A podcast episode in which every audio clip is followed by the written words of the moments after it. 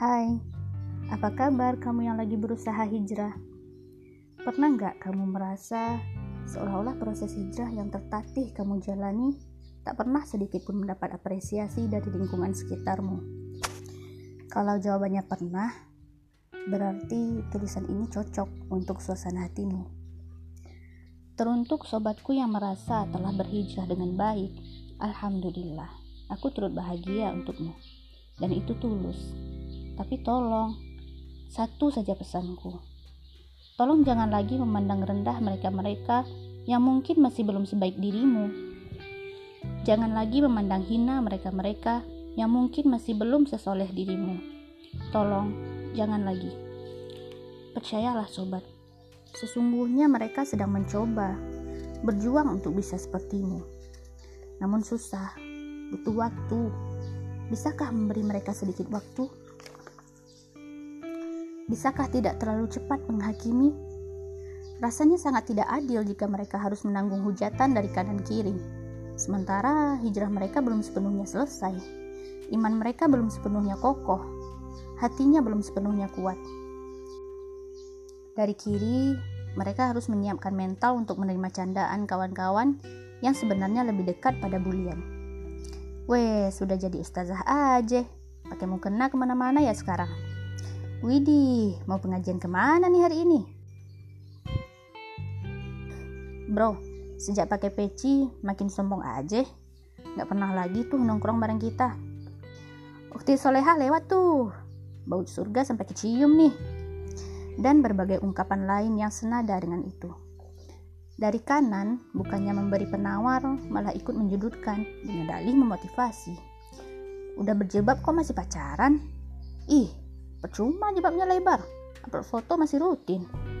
Percuma aja hijrah, masih ngerokok gitu, masih temannya setan tuh. Jilbab aja gede, ngaji masih berantakan, malu-maluin Islam aja sih. Katanya udah hijrah, kok masih dengerin musik? dan berbagai ungkapan yang tak jauh beda.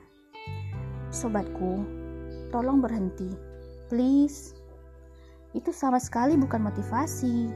Itu perasaan asam yang kau kasih pada luka mereka yang sedang menganga, menghancurkan perasaan mereka sehancur-hancurnya. Sadarilah satu hal sobat, setiap dari kita punya starting pointnya masing-masing.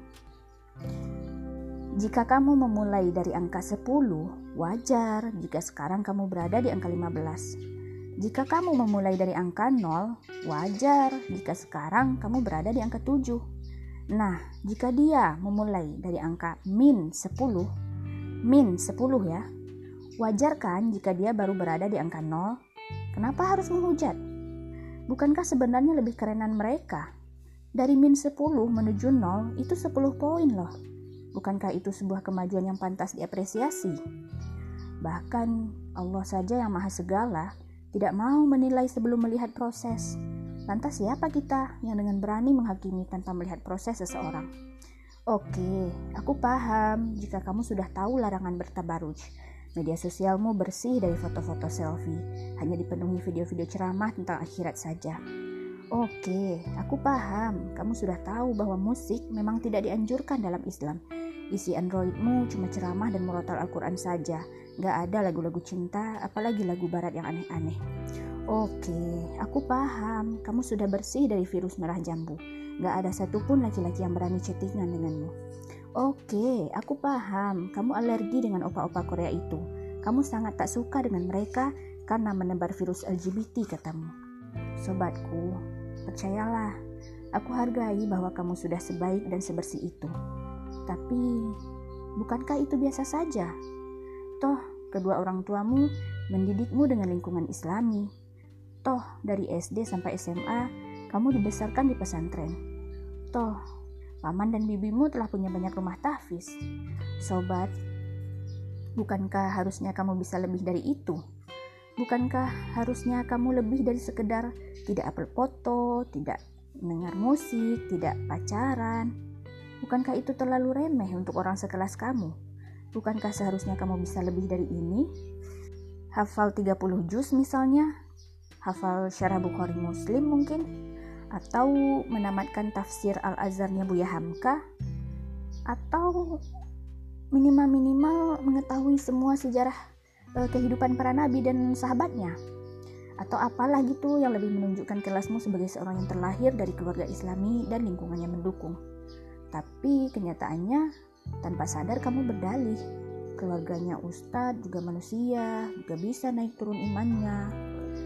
Nah, sekarang coba jawab, apa bedanya kita dengan mereka yang masih jauh di bawah sana? Mereka juga manusia biasa kan? Dan bahkan bukan terlahir dari lingkungan islami yang mendukung sepertimu. Bahkan mereka nggak pernah merasai bersekolah di pesantren. Sejak SD sampai SMA, hanya di sekolah umum saja. Wajar kan jika proses hijrah mereka memang butuh lebih banyak waktu, Wajar kan jika mereka masih belum di levelmu saat ini. Sobat, aku tidak sedang marah padamu, sungguh tidak. Hanya mengingatkan saja supaya kamu tidak menjadi orang pertama yang memundurkan niat berhijrah seseorang. Supaya kamu bukan jadi orang pertama yang membuat mereka memutuskan untuk kembali menjadi dirinya yang dulu. Untuk kamu yang sedang tertatih berhijrah, aku juga punya satu pesan. Kuatkan hati, tabahkan diri Proses berhijrah memang tidak mulus jalannya, akan ada aja rintangan dan kerikilnya. Kamu yakini saja bahwa di depan sana ada Allah yang sedang menunggu. Merentangkan tangan menyambut kedatanganmu di pintu surganya, menanti penuh harap agar kau segera sampai dalam peluknya.